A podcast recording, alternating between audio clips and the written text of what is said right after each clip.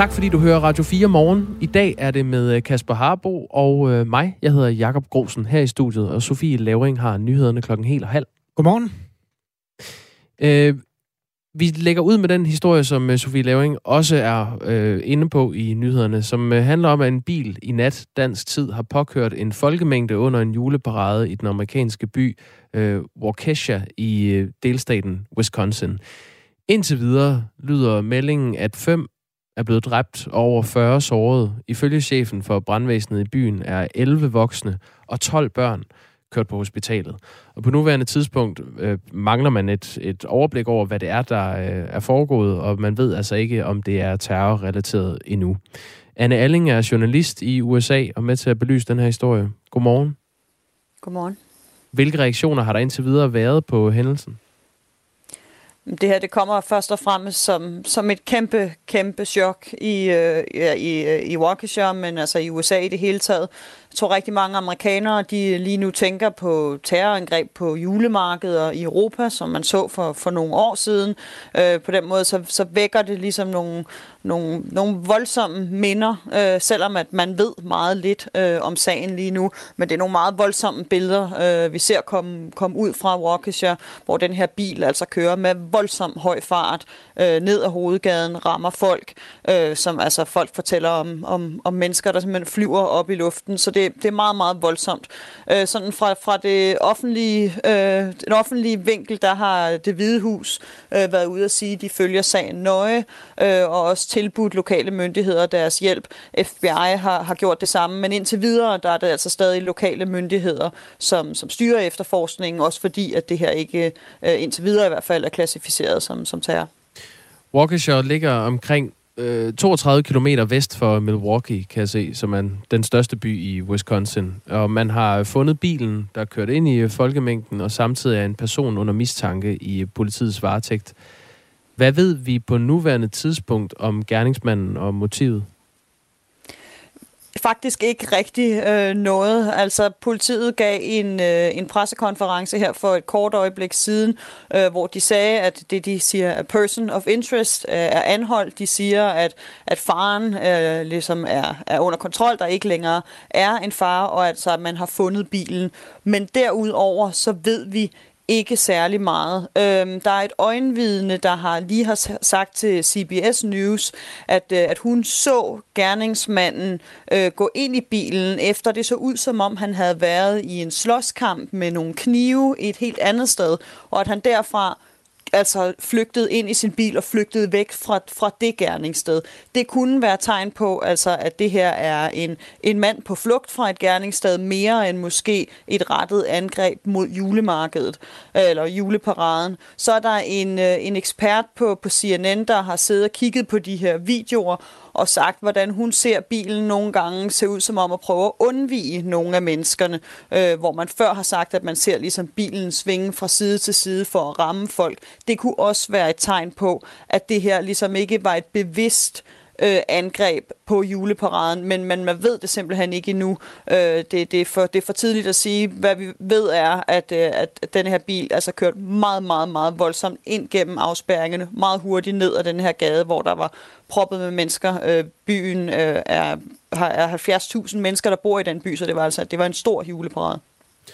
Og det vi så ved er, at, at fem er blevet dræbt og over 40 såret øh, ved den her øh, begivenhed. Øh, og så ved vi så fra chefen for brandvæsenet i byen, at 11 voksne og 12 børn er kørt på hospitalet.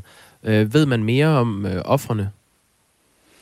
Det gør man øh, ikke nu, nej, og politiet sagde på pressekonferencen, at de ikke vil give nogen informationer øh, nu, fordi de er i gang med også altså, at kontakte pårørende. Så på den måde, så, så holder man ligesom, øh, så holder man de informationer privat lige nu. Øh, det vi ved er, at der, altså, nogen blev, blev hentet i ambulancer, de allermest sårede, men der var også privatpersoner, altså, som udførte førstehjælp på folk, og, og privatpersoner, som, som kører øh, såret til hospitalet. Så på den måde, eller til hospitaler, øh, de bliver kørt ind på flere forskellige hospitaler. Så, så på den måde, så, så ser det ud til, at, øh, at, at antallet af såret og måske også dræbte vil, vil blive ved med at, at stige, øh, mens vi får, får flere informationer. Både her i løbet af natten, men det meste kommer nok først til at komme ud øh, i morgen, når det bliver mandag i øh, USA. Og der skal vi nok øh, følge op på det. Anne Alling er altså journalist i USA og øh, med på en mellemtid på den her øh, forfærdelige begivenhed i øh, Waukesha i delstaten Wisconsin i USA. Tak fordi du var med. Velkommen. Klokken er 10 minutter over syv. Du er stået op til en iskold mandag den 22. november. Jakob Grosen og Kasper Harbo er dine morgenværter her i Radio 4.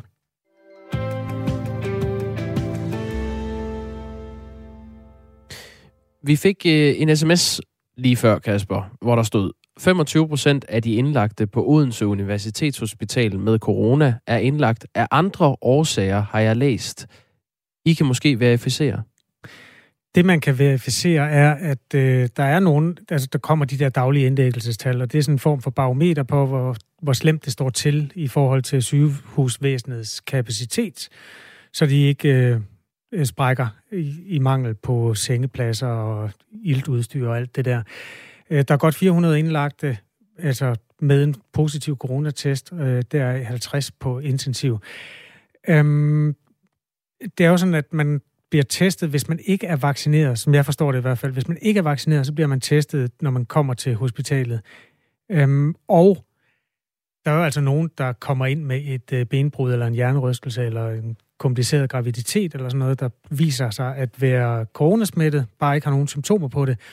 Og der har man fra Statens Serum Instituts øh, hjemmeside offentliggjort øh, en, et søjlediagram her i sidste uge, hvor det fremgår, at 82,6 procent er indlagt på grund af covid-19. Altså af de mennesker, der, er, der hver dag fremgår af indlæggelsesstatistikkerne, så er det næsten 83 faktisk procent, der er indlagt på grund af covid-19. Og det vil sige, at de får behandling for covid-19. Og så er der nogen, der bare viser sig at være positive, altså coronapositive, men som ikke har brug for behandling. Og det er jo interessant, så, så det skal man lige have med. Når man hører de her tal med indlagte med corona, så kan det også være en, der er indlagt med en blindtarmsbetændelse, ja. som også er coronasmittet. Ja, og det, som er problemet på et øh, hospital, det er, at det ikke nødvendigvis nemmere at have med en blindtarmspatient at gøre, som er coronasmittet, fordi øh, alle de der karantæneforanstaltninger, som personalet skal igennem for ikke at bære coronasmitte med over på kræftafdelingen bagefter, det er jo de samme. Så derfor øh, lægger det tit beslag på lige så mange kræfter inde øh, på hospitalerne. Men det er klart, at det fortæller selvfølgelig noget om, hvor mange der er alvorligt syge. Der skal man måske i virkeligheden bare nøjes med at kigge på, hvor mange der ligger på intensiv. Det er godt 50. Men altså cirka et sted mellem hver 6. og hver 7. er, nej det er faktisk, lad os bare sige hver 6. er indlagt af andre årsager. Radio 4 morgen i dag øh, handler delvist også om, øh, om den øh, kor- øh, eller lad os sige, modstand mod øh, coronarestriktioner, som findes øh, rundt om i øh, Europa lige nu. Vi har hørt fra Holland, øh, det foregår også i Belgien, i Østrig. Og så var der også øh, demonstrationer i weekenden foran øh, Christiansborg. Øh, Men in Black forestod de øh, demonstrationer. Og øh, jeg forudser, at det her det bliver noget, vi kommer til at diskutere rigtig meget i løbet af de kommende måneder. Altså, øh, de to modpoler i diskussionen er selvfølgelig de, de vaccinerede og de ikke vaccinerede. Jeg kan allerede se nu, når vi taler om, bare vi nævner corona og vacciner, så kommer sms'er som disse. Jeg tager lige en fra Rune. Hvor er det grotesk og patetisk at høre på diverse vaccineskeptikers råben om øh, tvang og frihedsrettigheder. De skulle prøve en tvangsmedicinering, øh, man virkelig kan mærke, nemlig den type, der er foregået i psykiatrien i de sidste 70 år. Vores lytter Lars har også skrevet til os.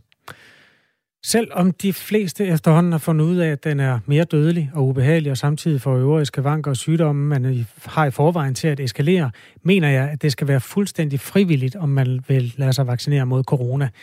Men så er det vel også rimeligt, at når dem så har valgt vaccinen fra, bliver dødssyge selv, at de selv betaler regningen og efterfølgende pleje. De er jo ikke dumme og kender de følger, som der opstår. Det er i hvert fald ikke rimeligt, hvis hospitaler fyldes op med personer, som vaccinen ikke virker på, øh, risikerer at skulle få en effektiv behandling. Undskyld, jeg tror simpelthen, den, der gik kug i den sidste sætning. Det er ikke rimeligt, hvis hospitaler fyldes op, så personer, som vaccinen ikke virker på, risikerer ikke at kunne få en effektiv behandling. Det var synspunktet fra Lars. Mm.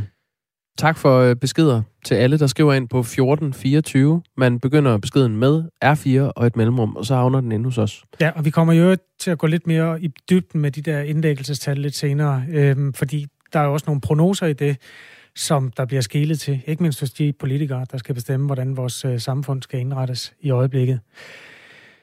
Skriv til os på 1424. Klokken er kvart over syv. Godmorgen.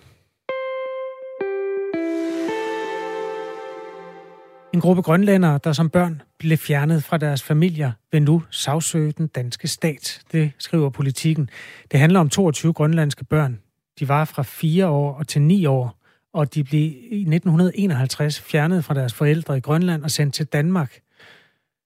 Og for at tale dansk og blive øh, siden blev øh, øh placeret på et, et, pleje, et børnehjem. Undskyld, jeg råder lidt nu. De blev placeret på et børnehjem i Nuuk, hvor de ikke måtte tale deres modersmål. Ideen ved det her eksperiment var at skabe en dansktalende elite i Grønland. Men det var ikke sådan, det kom til at gå. Det blev en fiasko på alle tænkelige måder. Seks af de her 22 børn er stadig i live, og de er sådan samlet om det krav om en erstatning fra den danske stat.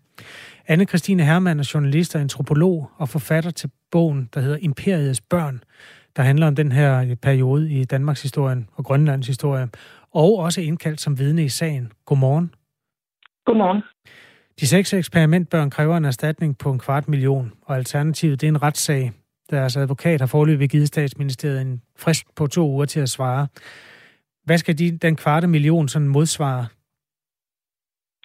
Øh, jamen, jeg tror ikke, at, øh, at pengene sådan kan, mod, kan øh, modsvare det, de har været udsat for, men jeg tror, det er en blanding af, at det skal give dem en form for oprejsning, og øh, at de føler, at der er noget anerkendelse i at få erstatning, øh, øh, fordi andre børn fra Godhavns øh, børnehjemmet har fået noget lignende, og så tror jeg, så der ligger en anerkendelse i, at, øh, at det her overgreb var tilsvarende øh, hårdt for dem, og så ligger der jo en mulighed for dem for at rejse til Grønland. Øh, altså, de har jo øh, mange af dem haft et, et, øh, et liv, hvor de har følt sig øh, hverken helt danske eller helt grønlandske, og, øh, og de bor de fleste, eller de bor alle sammen hernede i, øh, i Danmark, og det er bekosteligt at rejse til Grønland, så jeg tror, at flere af dem vil også gerne have mulighed for øh, at besøge Grønland. Fortæl lige, hvad det var, der de mistede, da de blev en del af det her eksperiment. Jamen, de mistede jo deres familier øh, og deres, øh, deres kultur og deres sprog. Altså, øh, øh, det var meningen oprindeligt, at det her eksperiment øh, i gåsøjne kun skulle inddrage børn, der var forældreløse. Men fordi de danske myndigheder ikke kunne finde øh, forældreløse børn, der var øh, egnet til at være med, så endte man med også at tage børn med, der havde enten en far eller en mor. Øhm, øh, og man, man tog dem jo væk fra deres familier, og øh, nogle af dem blev bortadopteret øh, til danske plejefamilier, og resten kom til Nuuk på børnehjem, hvor de boede øh, resten af deres barndom. Øh, så man kottede fuldkommen øh, deres forbindelse til deres øh, forældre eller, eller anden familie. Øh, og så måtte de jo, som du nævnte, ikke tale dansk, så, eller ikke, undskyld, ikke tale grønlandsk, så de mistede også øh, muligheden for overhovedet at kommunikere med deres familie, da de så blev ældre. Øh, og det har jo givet en masse misforståelser. De har aldrig fået en egentlig forklaring på, da, hvorfor de var blevet fjernet fra forældrene.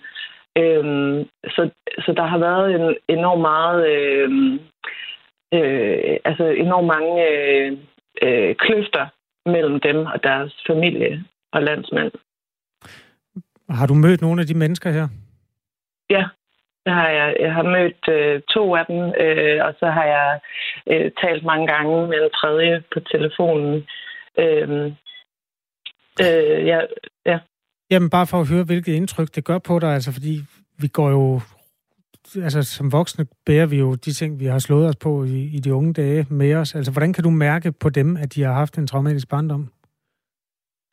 Jamen, man kan jo høre, øh, dels så kan man jo høre, at det er noget, der stadig bevæger dem. Nu talte jeg lige med den ene af dem øh, i går, øh, i, og Hun, øh, altså, hun, øh, hendes stemme knækker jo stadigvæk, når hun øh, fortæller om det her, eller forklarer, hvorfor, øh, hvorfor det betyder noget.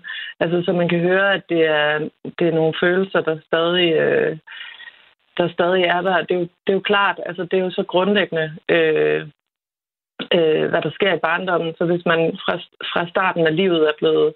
Øh, hvad kan man sige, øh, sat i en anden bane af staten, så, øh, så er det jo noget, der har påvirket alt i deres liv. Altså hele, øh, hele deres voksne liv også. Og, og øh, altså, man kan sige faktisk, at mange af dem, der var med i eksperimentet, ikke blevet særlig gamle, fordi der er flere af dem, der har haft misbrugsproblemer og psykiske problemer. Der er flere selvmord iblandt. Altså, der var flere af dem, der har levet et meget øh, hårdt liv. Så man kan sige, at dem, der nu sagsøger staten, det er nok i virkeligheden dem af dem, der har klaret sig bedst øh, og derfor øh, stadig lever. Når man fjerner børn fra deres forældre i Danmark i dag, jeg ved ikke, hvordan det foregår i Grønland, men det er nok det samme. Altså så er det jo fra familier, hvor øh, den sociale styrke ikke er så stor, og børnene måske har udsigt til at få et svært liv. Ved du noget om, mm. altså var, var det sådan en parameter, man skilede til, da man fjernede de her 22 børn i sin tid? Jamen altså, som sagt, så gik man jo øh, efter først og fremmest at, øh, at have forældreløse børn med, fordi man tænkte, at de så ville få et bedre, bedre sociale kår. Men øh, altså, der, der er flere problemer i det. Dels så kan man sige, at, øh, at i Grønland har der altid været en tradition for, at den større familie tog sig af børn, hvis de var forældreløse, eller hvis, hvis familien på en eller anden måde havde svært ved at at varetage øh, deres, øh, altså tage omsorg for dem, så kunne man, øh, så var det almindeligt, at man blev passet af en tante eller onkel eller øh, sat i pleje hos bedsteforældre. Så øh, man kan sige, at man har ligesom øh, forstyrret den, øh, altså den, de familienormer, der har været i Grønland. Og så er det klart, at der var jo mange øh, familier, eller de fleste familier i Grønland på det tidspunkt, var jo øh, fattige set med danske øjne, men øh, det var jo ikke børn, der sultede. Altså, så det var, øh, det var ikke børn, der kom fra, øh, fra rige hjem, men det var heller ikke børn, der øh, gik for lud og koldt vand. Der har været nogle enkelte tilfælde af dem, der har været med, hvor man kan tale om øh, om sådan dyb fattigdom. Øh, men, men de fleste af dem har haft et, et nogenlunde øh, gennemsnitligt øh, liv i sådan økonomisk øh, øh, øh, i økonomisk øh, forstand. Mm. Jeg riser lige lidt øh, ting op i den her sag. Anne-Christine Hermann er altså journalist og antropolog, har skrevet Imperiets børn om de her øh, eksperimentbørn, der blev fjernet fra øh, det, de kendte, og skulle udgøre en dansk elite på Grønland. Nu har de altså øh, søgt om erstatning på en kvart million per person, de seks overlevende, der er tilbage. For knap et år siden sagde statsminister Mette Frederiksen undskyld til de 22 grønlændere, både skriftligt og fra talerstolen i Folketinget. Vi kan ikke ændre fortiden, men vi kan tage ansvaret på os og undskylde over for dem, som vi svigtede, sagde hun dengang. Efter undskyldningen gav flere eksperter og grønlandske politikere udtryk for, at de overlevende burde tilkendes erstatning. Det afviste Socialminister Astrid Krav for et halvt år siden. Øhm, I en skriftlig kommentar søndag til politikken, siger Astrid Krav nu, det er helt på sin plads, at de voksne børn og deres pårørende har fået en officiel undskyldning for de svigt, som de blev udsat for. Dermed er der taget et stort skridt for at give oprejsning for statens svigt, som ingen tidligere regeringer har taget på sig. Jeg og regeringen mener, at selve anerkendelsen af fortidens fejl er det centrale. Det er vigtigt, at vi lærer af de fejl, der tidligere er begået, så historien ikke gentager sig, siger Astrid Krav. Der er altså lukket for pengekassen, øh, Anne-Christine Hermann. Hvordan opfatter du det?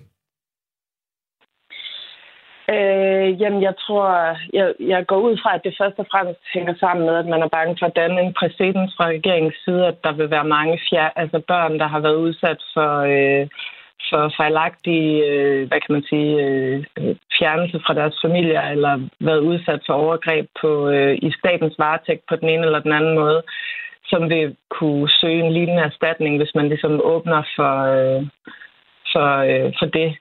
Så jeg, så jeg tror, det, jeg tror, det er det, det handler om. Og, mm. og det er selvfølgelig, øh, ja, det, det er selvfølgelig fuldstændig rigtigt, hvad regeringen siger, at at selve undskyldningen har jo været helt øh, banebrydende. Altså, det har været, det var et kæmpe skift efter, at flere regeringer, startende med Nyrup Rasmussens regering, og så op igennem øh, nullerne, har afvist at give en undskyldning øh, for eksperimentet.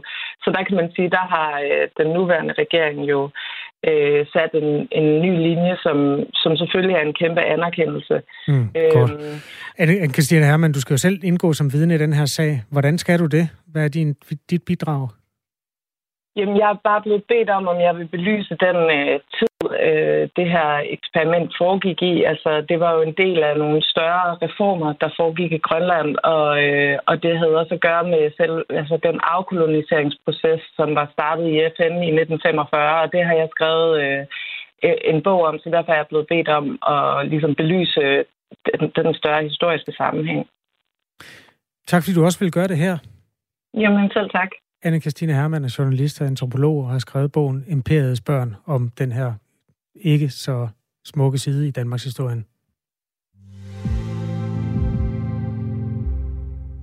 For ikke så længe siden læste jeg en øh, besked op, eller også gjorde du, Kasper, vi, det snart også underordnet, fra Lars, som mente, at øh, nu må man snart øh, gøre sådan, at uvaccinerede mennesker, som bliver syge, selv skal betale regningen og efterfølgende pleje, når de skal behandles. Øhm, og det er altså corona-uvaccinerede mennesker. Og det har altså skabt... Øh, øh, der, der kom mange sms'er på den. Nu, nu øh, jeg bliver lidt øh, forvirret, for der kom lige en mere her. Øhm, jeg læser lige en op, og den er udtryk for, øh, for en holdning, som kommer i flere sms'er ind til os på 1424, øh, og de har startet beskeden med R4. Der står, interessant indstilling, den der med, at hvis ikke vaccineret bliver indlagt, skal de selv betale hospitalsopholdet eller behandling. Skulle vi lige prøve at sætte den i perspektiv? Hvad med, at vi brugte det samme argument i forhold til andre sygdomme, som patienterne selv kunne være en medvirkende faktor til at få, såsom rygere, der har udviklet kræft, kol eller overforkalkning, alkoholikere, stofmisbrugere og overvægtig fedme, de har jo også kunne regne med en øget risiko for livsstilssygdomme. Det er altså ikke et øh, officielt politisk forslag, at øh, corona ikke vaccinerede skal betale for deres behandling for covid-19, hvis de havner på sygehuset. Det er bare en, en mand, der hedder Lars, der foreslår det. Ja, det, det er nok væsentligt lige at få med. Øh, men øh, det er altså en diskussion, som vi nok ikke har hørt det sidste til her til lands. Klokken er 27 minutter over syv. Det er Radio 4 morgen i dag. Trænger vi ikke til lidt musik? Til hvad? Musik. Jo, jo, endelig. Det er dronningen af ballader, Adele. Hun har lige udgivet et nyt øh, album, der hedder 30. Altså som i 30? Ja. Ja. There ain't no gold in this river. Ja, hun kan nu, selvom hun er blevet tynd. Pas nu på. Hvorfor skal det altid handle om, at Adele er blevet tynd? Ja, Nej, men det er faktisk ikke det, jeg vil snakke med dig De om. sidste ni gange, vi har talt om Adele i radioen, så er det fordi, hun er blevet tynd. Og jeg er fuldstændig ligeglad, hvordan hun ser ud. Men der Ja. har altid bare været nogen, der enten var sur over, at hun var tyk eller tynd. Ja. Så ja, hvad siger folk nu? Hvad, hvad Faktum er, at hun lyder som sig selv, og nu er det faktisk... Øh, det, det handler slet ikke om hendes vægt, det her. Nå. Det handler om, at hun øh, har fået øh, Spotify-streaming-tjenesten til at fjerne shuffle-funktionen. Øh, når man går ind og spiller et album, så har det typisk været sådan inde på Spotify, som er en musiktjeneste, Mm. at øh, hvis man vil gerne vil høre et album, så trykker man play, og så øh, randomiserer den, så spiller den tilfældigt udvalgte numre fra albummet, i stedet for at spille dem i kronologisk rækkefølge. Nej, var det en god idé. Det er nemlig en skide god idé. Det har Adele gjort op med. Hun har skrevet på Twitter, hvad er det, der foregår? Hvor kan vi ikke øh, gøre noget ved det her? Og så har øh, Spotify skrevet alt for dig, Adele. Da de godt kunne se, at der kom rigtig mange likes og retweets. Og nu har de lavet det om. Så alle albums, øh, hvis du går ind på Spotify og gerne vil høre et album, så spiller den altså fra første sang og frem. Ikke bare Adels, men alle. Alle får samme behandling. Altså, jeg har hørt meget... Jeg er jo... Øh, mit, altså, min største helte, det har jo været Pink Floyd. Øh, de gamle dage, hvor de var samlet, ikke? Mm. Og der er ikke noget, der er så usammenhængende, som at få The Dark Side of the Moon, hvor numrene de blandet. Eller fordi- The Wall. Ja, ja. Completely numb. We don't need... Ja. Ja, men det er det. Altså, nogle af de der konceptalbum er jo bygget op som en lang fortælling, med, altså nærmest efter berettermodellen. Mm. Og når man bytter om på, på sangene, så går det hele jo fuldstændig tabt. Øh, Så bliver det bare musik. Lige pludselig. Så er det ikke øh, en film mere, han har sagt. Altså, hvis jeg ikke øh, kunne se, det var dig, der sagde det, så ville jeg næsten tro, det var Adele. Hun, det, hun har skrevet på Twitter er, vores kunst fortæller en historie, og vores historie skal lyttes til, som vi har tænkt det. Tak til Spotify for at lytte. Det er faktisk også bare noget, jeg har genopdaget, det der med at høre albums, hele plader, i stedet for bare at høre de tre hits. Ja, det er lækkert, ikke? Ja, det er godt nok. Tak til Adele. Og nu øh, kan vi sige øh, endnu en gang godmorgen til Sofie Lavering, fordi klokken er blevet halv otte, og vi skal have et nyhedsoverblik.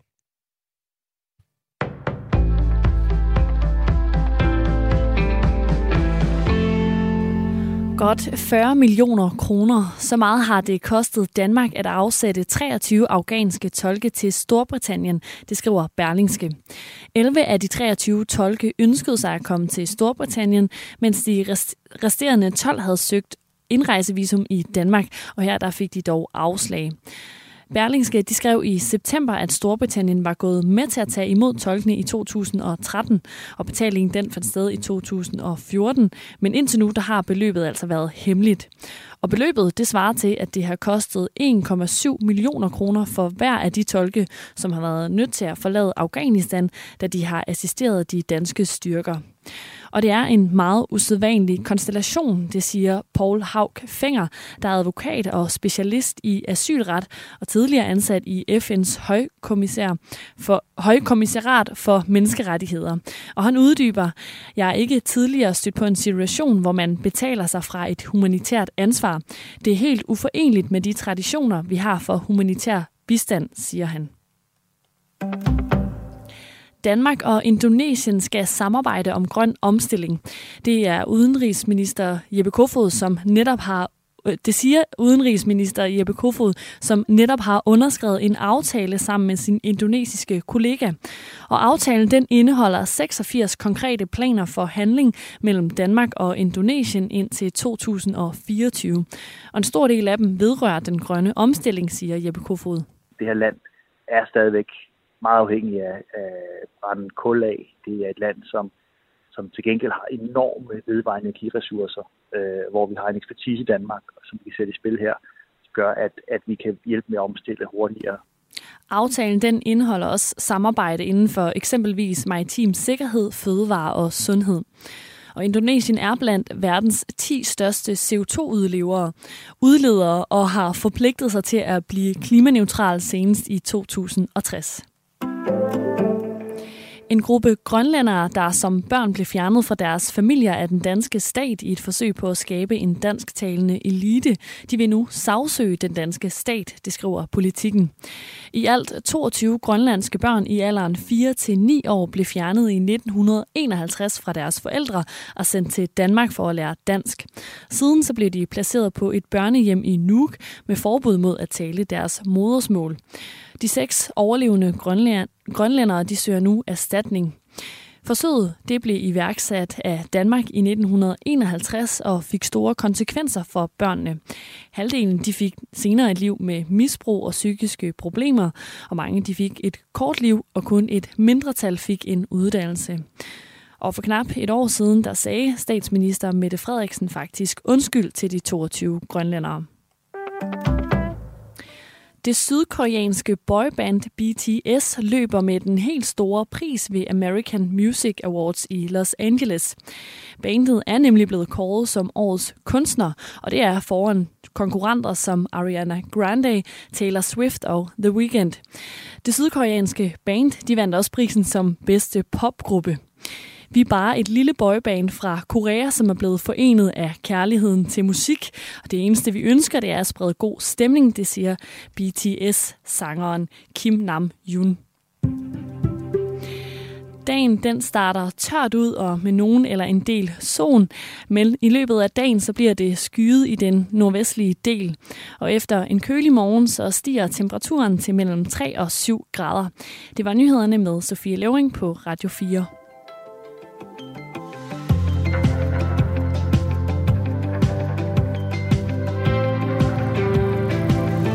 Godmorgen og velkommen til Radio 4. Det er mandag, og vi skal lige så stille i gang. Inge er stået op og har øh, taget sit gode skaluttøj på og siger som følger i en sms til 1424. Radio 4's eneste berettigelse er, at det er taleradio, så please fri os for alle de irriterende musik, musikindslag, skriver Inge. Uden venlig hilsen. Tak for sms'en, Inge. Det er, jeg ved ikke, skal vi kommentere på det? Øhm, man kan sige alle, de, altså alle, der, der er godt nok ikke ret mange, men der var et øh, lige før nyhederne. Nå, musikindslag? Ja, ja der var lige lidt uh, Adele som underlæg der. Men det må du undskylde, Inge. Ja. Det skal ikke ske igen. Dum Nej, det det gør det sgu nok. Det ja, gør det havde faktisk. Jo, vi havde jo også ham der, øh, jeg skal ske i sidste uge. Det, det løber op. Den lader vi lige hænge. Klokken er 7.35. Inger har gjort alt rigtigt. Hun har simpelthen øh, krænge sit hjerte ud en sms til 1424. Start besked med R4, så havner den hos os. Her er 6 sekunders musik til dig, Inge. Man skulle tro, at dramaerne i forbindelse med kommunalvalget efterhånden havde lagt sig efter tirsdagens valg. Men nej, øh, i hvert fald ikke, når det kommer til Sorø Kommune.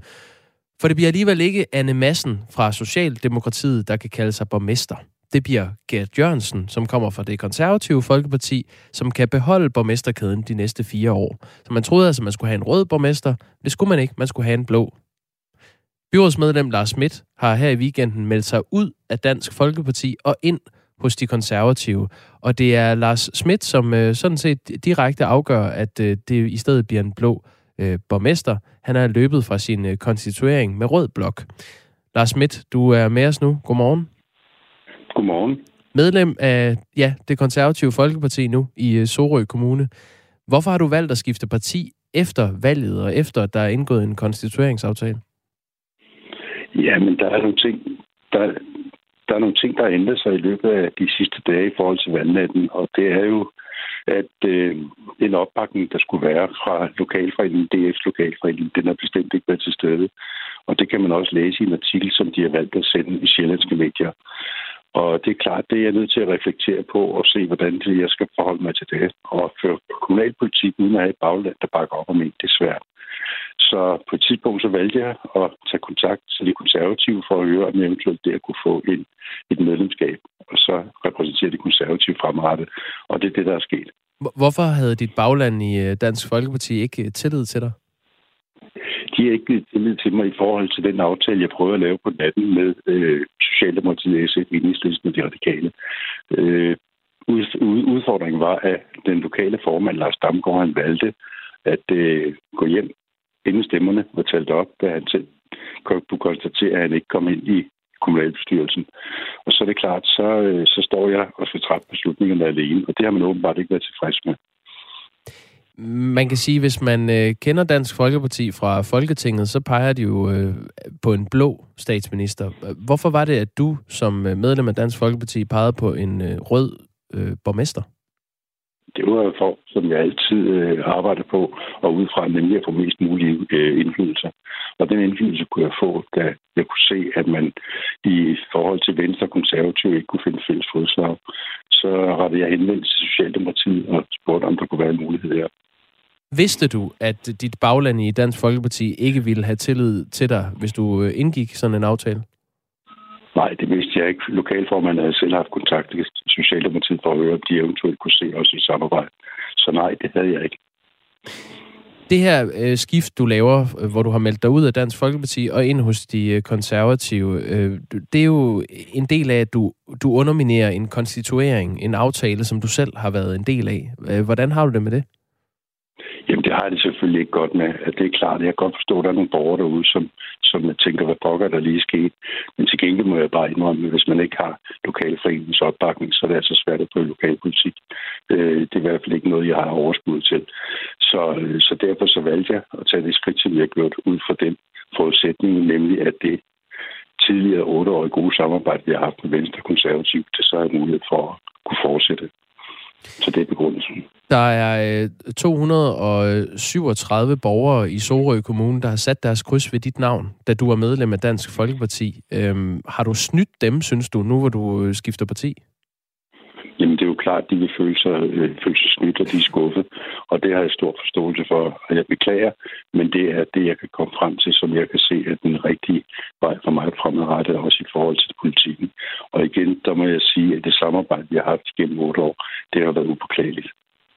Det kan godt være, at de føler sig snydt, men er de ikke også blevet snydt? Jo, det må, må jeg bare erkende, og det er, det, det er jeg selvfølgelig ked af, at de, de er blevet snydt. Det var ikke det, der var den hensigt, men de har bragt mig i en situation lokalforeningen, så, så jeg er nødt til at agere, og det øh, har jeg valgt at gøre på den måde. De fleste tænker nok, at der er, der er ret stor forskel på det konservative Folkeparti og så Dansk Folkeparti. Øh, er det sådan, at du har skiftet politisk øh, ståsted over natten, eller hvordan forsvarer du, at du nu er konservativ? Ej, jeg må jo indrømme, at, at konservative øh, kommunalt øh, og Dansk Folkeparti, de har jo som sagt igennem otte år forstået at arbejde konstruktivt og godt sammen. Jeg har siddet tæt på borgmesteren de sidste fire år, og det synes jeg har fungeret fantastisk. Inden vi taler videre, så vil jeg lige gøre opmærksom på, at folk skriver ind til os, hvis de har noget på hjerte. Det har for eksempel vores lytter Jesper. Han skriver, det virker meget utroværdigt at skifte parti lige efter et valg. I forhold til førstegangsvælgerne, de unge, kan man godt forstå, at de ikke gider stemme, når de ikke kan være sikre på, at deres stemme så går til det parti, de stemmer på, skriver vores lytter Jesper. Jamen, det har jeg stor forståelse for. Til gengæld synes jeg også, at øh, det her det er ikke et spørgsmål hvornår man gør det. Det er et spørgsmål hvornår man føler, man bør gøre det. Øh, Og det har jeg følt, at det tidspunkt, det var tiden at gøre det i. Men du har alligevel gået igennem en hel valgkamp, hvor du har vidst, at du hørte hjemme øh, i Dansk Folkeparti, og så går der, hvad, fem dage? Så hører du pludselig hjemme Ja. i Konservative. Kunne du ikke have taget Ja, den beslutning lidt for et par måneder siden? Nej, det kunne jeg ikke, for situationen ændrer sig jo totalt, og det er det, som jeg har brugt øh, som udgangspunkt. Men det er jo en taktisk situation. Din, din politiske opfattelse af verden har vel ikke ændret sig. Overhovedet ikke. Men, men det, er det, det er det, som jeg tror, Jesper han synes, det er svært at forstå, at det er jo, det er jo ikke det- to ens partier, de to. Nej, det kan jeg godt følge dig i, men her der snakker vi kommunalpolitik, og det kommunalpolitik er vigtigt for mig, og så må jeg bare indrømme rent politisk, så står jeg nok øh, meget tæt på de konservatives politiske holdning. Konservative har jo sådan landspolitisk en mærkesag, der hedder, at skatten skal være så lav som muligt. Dansk Folkeparti er mere kendt for at øh, gå lidt mere op i, at de sociale ydelser, de, øh, dem kan man godt skrue lidt på, hvis der er nogen, der er i knibe. Særligt de ældre har de været gode til. Det er jo to øh, sager, der peger hver sin vej. Hvor, hvor har man dig henne så i det? Ja, men der skal man øh, kigge på, hvordan man har skruet på knapperne i kommunalbestyrelsen i Sorø Kommune, hvor vi helt, helt klart har været inde i nogle vanskelige år, hvor vi har måttet prioritere øh, i de knap så øh, positive retning, men, men de sidste fire år her har vi været mulighed for at skrue op på knapperne, og det er det, vi har gjort. Altså skrue op for hvilke knapper? På inden for velfærdsområdet og så videre, det er, hvor du siger, at du mener, at konservativ måske ikke ligger lige til at mm. dem, som, som giver. Så, så nej, det har jeg ikke noget problem med. Men har det, har det også været det, konservative har stået for i Sorø? At man skruer op for sociale ydelser? Jamen, altså konservativt, de står jo for, at vi yder den service, vi kan, den bedst mulige service. Og det gør vi både ved at effektivisere, men også ved at øh, tilføre midler der, hvor det er nødvendigt. Vi har haft nogle store udfordringer på det specialiserede voksenområde, og hvor fra konservativ side også har gået ind og sagt, at det er en opgave, vi skal løse. Så jo, Okay. Vi taler så med Lars Schmidt, som øh, for en uge siden var øh, medlem af Dansk Folkeparti og pegede på Anne Madsen, som er socialdemokrat som borgmester i Sorø Kommune. I dag er Lars Schmidt øh, medlem af det konservative Folkeparti øh, og peger på øh, den blå Gert Jørgensen fra det konservative Folkeparti i stedet som borgmester. Øhm, Lars Schmidt, du er tunge på vægtskolen her. Det er dig, der muliggør, at, øh, at der kan laves en aftale, en konstitueringsaftale i, øh, i rød blok, eller blå blok i stedet for i, i den røde. Øhm, hvem vil du egentlig, hvis det stod dig frit for, hvem vil du helst have som borgmester i Sorø?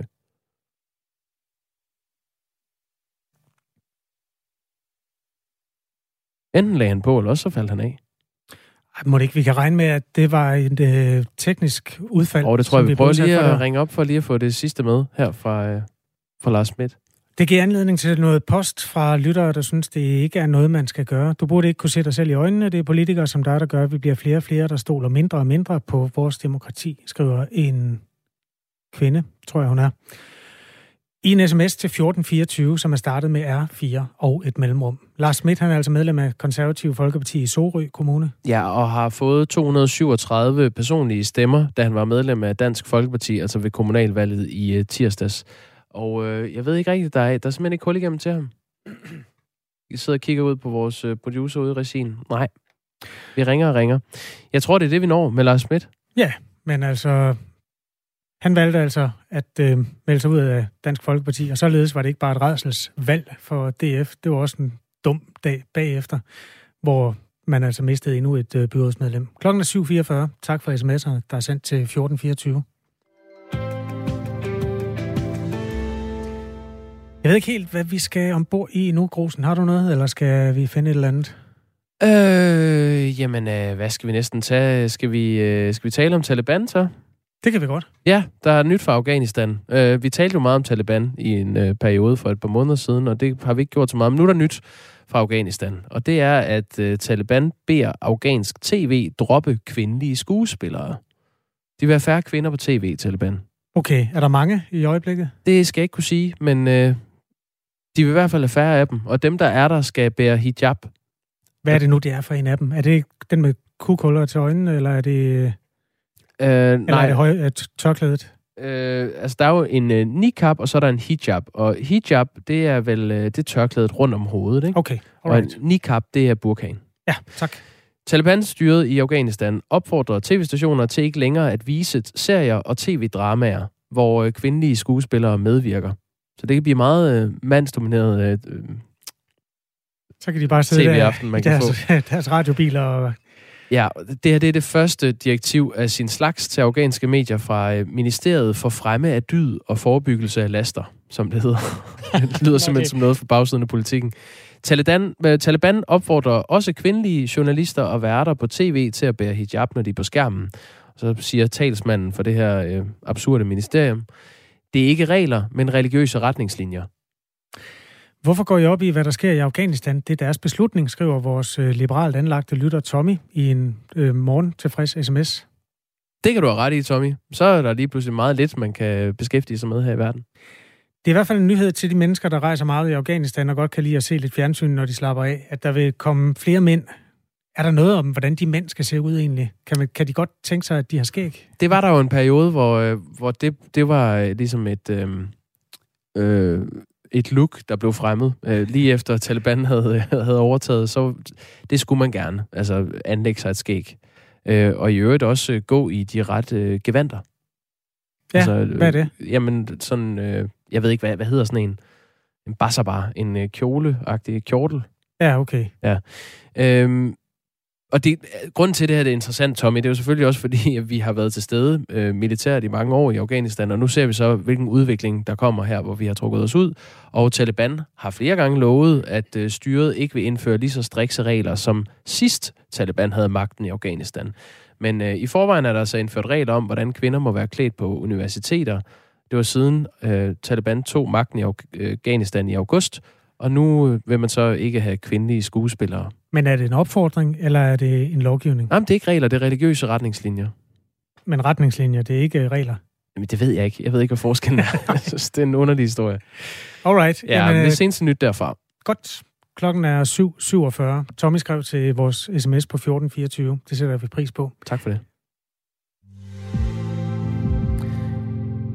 Ja, nu skal vi lige tale om coronarestriktioner, som bliver skærpet i flere lande rundt omkring os på grund af stigende smitte. I Østrig træder en landsdækkende nedlukning i kraft i dag. Fra 1. november, nej, undskyld, 1. februar, der vil den østrigske regering indføre krav om vaccination. I Tyskland bliver der også strammet fra i dag. Her bliver der indført et landsdækkende krav om, at man enten skal være vaccineret eller raskmeldt efter corona, hvis man vil gå på restaurant, deltage i kultur- eller fritidstilbud, eller få ordnet hår og negle og den slags. Altså en negativ coronatest, det er simpelthen ikke længere nok. De øh, nye krav gælder i de delstater, hvor der er mere end tre indlagte per 100.000 indbyggere, og det er alle, undtagen to. Ditte Schrøder underviser i dansk, bor i Køln i Ruhrdistriktet. Det er den delstat, der hedder Nordrhein-Vestfalen. Godmorgen. Godmorgen. Der er jeg hurtigt igennem til Køln. Godt at høre. Øh, dej- dejligt, du vil stå op øh, sammen med os her på Radio 4. H- h- Hvordan Jamen, oplever du det personligt? Hvordan har du det med, at der ikke længere er nok at blive testet, men nu skal vaccine eller, eller øh, immunitet til? Ja, det er jo svært. Øhm, det er... Situationen hernede er, man kan så sammenligne med Danmark, det er, at vi har faktisk på intet tidspunkt haft mulighed for ikke at have maske på. I har i en periode i Danmark haft øh, et liv uden masker. Det har vi aldrig haft. Øhm, vi har stadigvæk masker på i bus og tog, har hele tiden gjort det. Vi har masker på, når vi går ind på restauranter. Vi kan dog komme på restauranter. Men vi skal vise indpas ved indgangen, og vi skal også vise legitimation. Det vil sige, at man skal bevise, hvem man er. Hvad med dagligvarerbutikker, der har- altså supermarkeder? Superdom, alt, alt er med maske. Der Okay. har aldrig været noget andet end maske.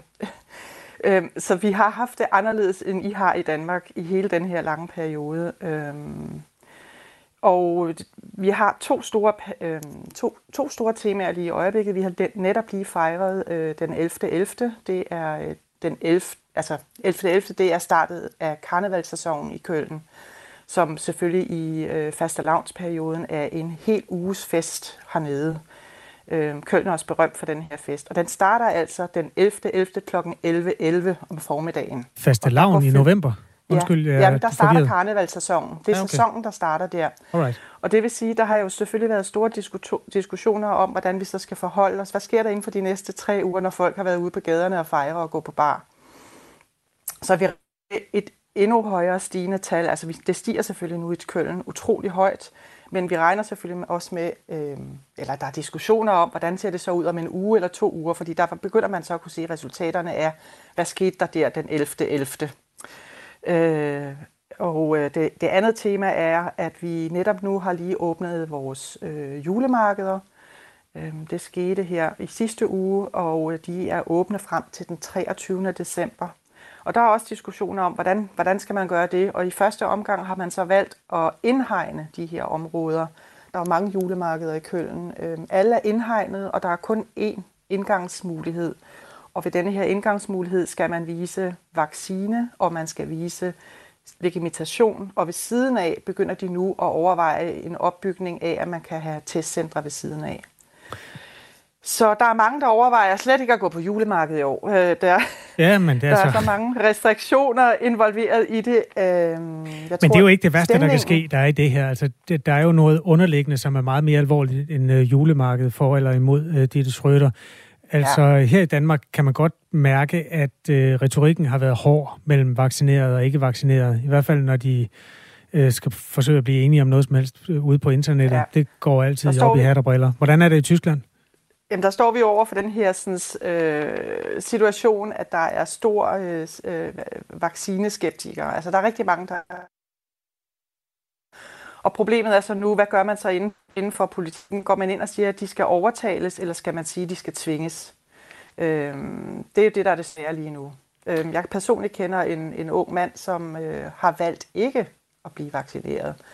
Øh, og han har på, på privatvis har han opnået en situation, der hedder så ingen vennekreds, for han kan simpelthen ikke betale de her sådan, test, hver gang han skal i byen, eller skulle have været i byen i weekenden for at se sine venner.